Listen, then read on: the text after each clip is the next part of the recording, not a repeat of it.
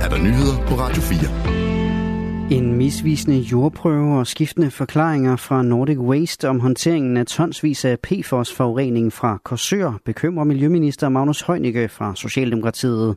Det kan vi i dag fortælle her på Radio 4. Tidligere på dagen fortalte vi om snyd med jordprøver fra PFOS forurenet jord, som på magisk vis blev oprenset af Nordic Waste. Undervejs har Nordic Waste givet forskellige forklaringer om, hvad der skete med PFOS-forureningen. Det bekymrer mig, at der er modstridende meldinger fra Nordic Waste om, hvordan de 22 tons PFOS-forurenet jord fra Korsør er blevet håndteret, skriver Magnus Heunicke i et svar til Radio 4. Det er afgørende, at vi får mere viden om, hvor jorden er placeret, og hvorvidt den udgør en fare for miljøet, siger han. Magnus Heunicke skriver i et svar, at jordskredet ved Nordic Waste kan give anledning til at overveje, om systemet er indrettet godt nok til at føre tilsyn med virksomheder, som handler uforsvarligt. Danmark ventes at bruge 2,02 procent af bruttonationalproduktet på forsvarsudgifter allerede i år. Det oplyser Forsvarsministeriet i en mail til Ritzau.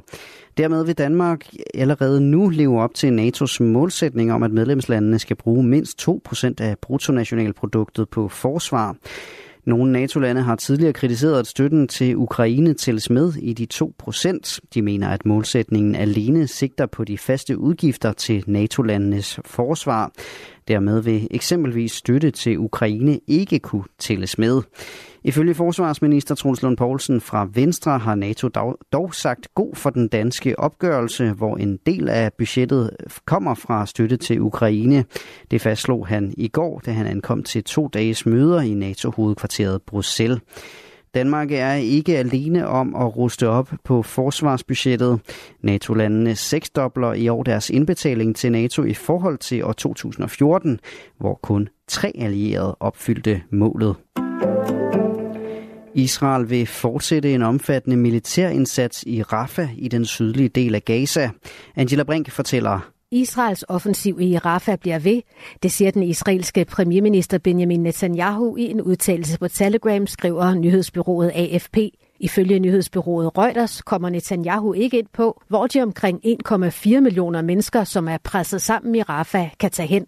Mange er internt fordrevne fra andre steder i Gazastriben. De flygtede til Rafah efterhånden, som kampene er rykket fra sted til sted. Rafah grænser op til Ægypten, men Ægypten har forstærket deres grænser og gjort det klart, at de ikke vil tillade flygtninge at komme ind. Meldingen fra Benjamin Netanyahu kommer efter Ægypten og Katar tidligere på ugen forsøgte at få en våbenhvile i stand, men forhandlingerne, hvor USA også var med, sluttede uden fremskridt. Kampene i Gaza mellem Israel og Hamas har kostet omkring 28.000 mennesker, heraf mange civile, livet. 15 nødhjælpsorganisationer opfordrer i en fælles pressemeddelelse til, at der bliver indgået en øjeblikkelig og varig våbenhvile, så der ikke udvikler sig til regulær hungersnød i Gaza. Kun fem partier i Folketinget har en plads i udvalget vedrørende efterretningstjenesterne, som diskuterer fortrolige oplysninger om statens sikkerhed, og det er ikke optimalt, mener SF.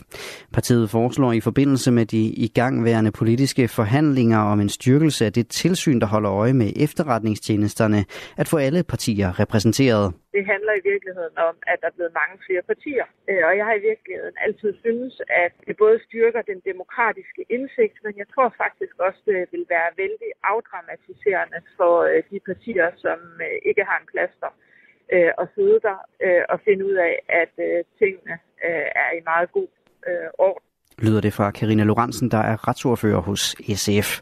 Og det er ordfører for de partier, som ved valget i 22 blev de fem største, der har plads i udvalget lige nu. Der er tale om Socialdemokratiet, Venstre, Moderaterne, SF og Danmarksdemokraterne. Der behandles, der behandles emner af alvorlige sikkerhedsmæssige karakter i udvalget. Dem har kun regeringen og udvalget oplysninger om, som det er i dag. Og Karina Lorentzen forstår godt, at der kan være en bekymring og en risiko omkring læk af klassificeret information, men hun tror ikke, at det bliver et problem, hvis flere får plads ved bordet. Jeg synes jo i virkeligheden, at den konstruktion, vi har nu, har vist, at øh, man er i stand til øh, at overholde sin tavshedspligt. Og jeg har ingen grund til at tro, at øh, andre partier vil øh, reagere anderledes. Moderaternes retsordfører Tobias Grotkær Elmstrøm er åben for at diskutere en udvidelse af udvalget. Gråt og diset eller tåget vejr og perioder med regn. Temperaturer mellem 3 og 10 grader og svag til jævn vind mellem sydvest og sydøst.